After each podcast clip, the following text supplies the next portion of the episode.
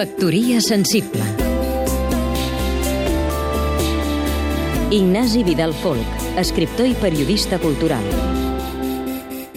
Fa unes setmanes, l'organització holandesa anomenada Stichting Ambulance Wens Nederland, que podria traduir-se com Fundació Holandesa de l'Ambulància dels Desitjos, va portar tres pacients amb malalties terminals a veure l'exposició Rembrandt Tardà, que es celebra actualment al Rijksmuseum d'Amsterdam.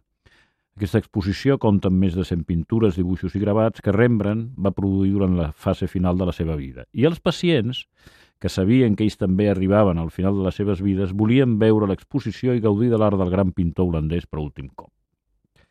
Tal com es pot veure i queda documentat al seu compte de Twitter, aquesta organització no lucrativa va portar els convidats a l'exposició cada un en una ambulància. Llavors van contemplar la col·lecció durant una hora de visita privada, tombats en les seves lliteres un plaer molt subtil, encara que agradols. Integrada per 200 voluntaris mèdicament entrenats, aquesta organització benèfica de l'ambulància dels desitjos dels Països Baixos o d'Holanda han complert amb milers de desitjos des de la seva creació l'any 2007 i la seva existència em sembla ja admirable. Però el cas del que estem parlant ara és insuperable.